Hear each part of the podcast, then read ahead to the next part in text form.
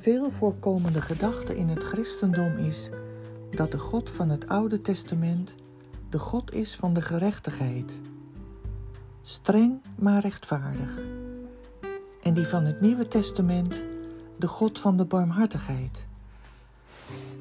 Door Jezus hebben we immers God leren kennen als een barmhartige God.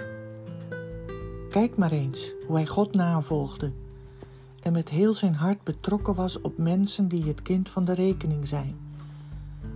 Zoals op dit moment de inwoners van Oekraïne, die in diepe angst leven door het binnenvallen in hun land van Russische tanks en troepen. Maar, is dan mijn vraag, God is toch één en dezelfde in zowel Oude Testament als Nieuwe Testament? Wij geloven toch in één God en niet in meerdere goden? Dan mag je toch concluderen dat die ene God beide eigenschappen in zich heeft? De derde aflevering van mijn podcast gaat daarover en heeft als titel Barmhartigheid als gerechtigheid.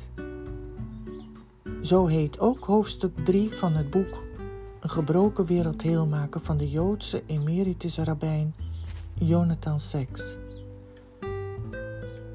Ik ga in deze podcast in op de reacties van mijn dochter over dit hoofdstuk. Ze leest het boek in een leeskring van een doopsgezinde gemeente.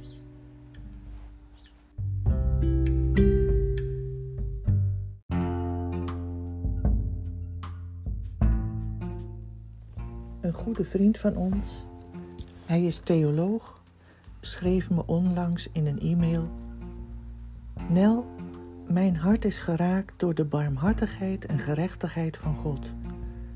En let daarbij op de volgorde. Die is belangrijk.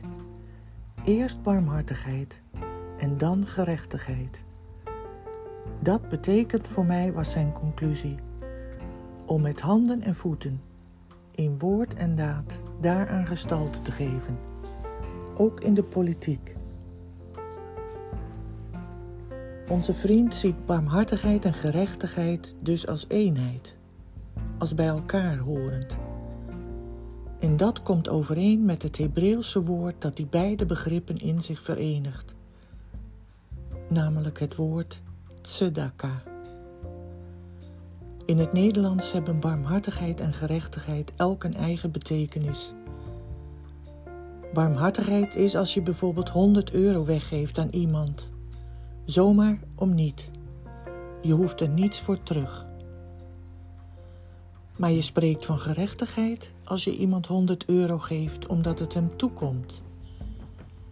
Hij heeft eerder aan jou dit bedrag geleend en verwacht het weer terug te krijgen. Barmhartigheid en gerechtigheid zijn dan elkaars tegenstelling.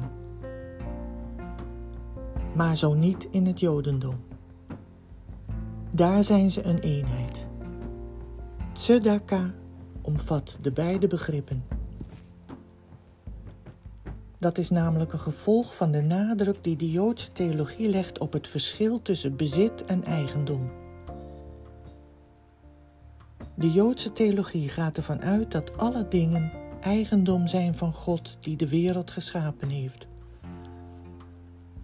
Wat voor ons bezit is, bijvoorbeeld een huis, een stukje land, een boot, een tweede huis voor de vakantie, is dus in die Joodse uitleg geen eigendom, maar slechts door God gegeven om te mogen beheren.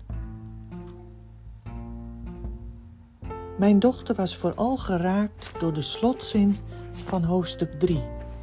En die luidt: Ons eigendom is wat wij bereid zijn te delen.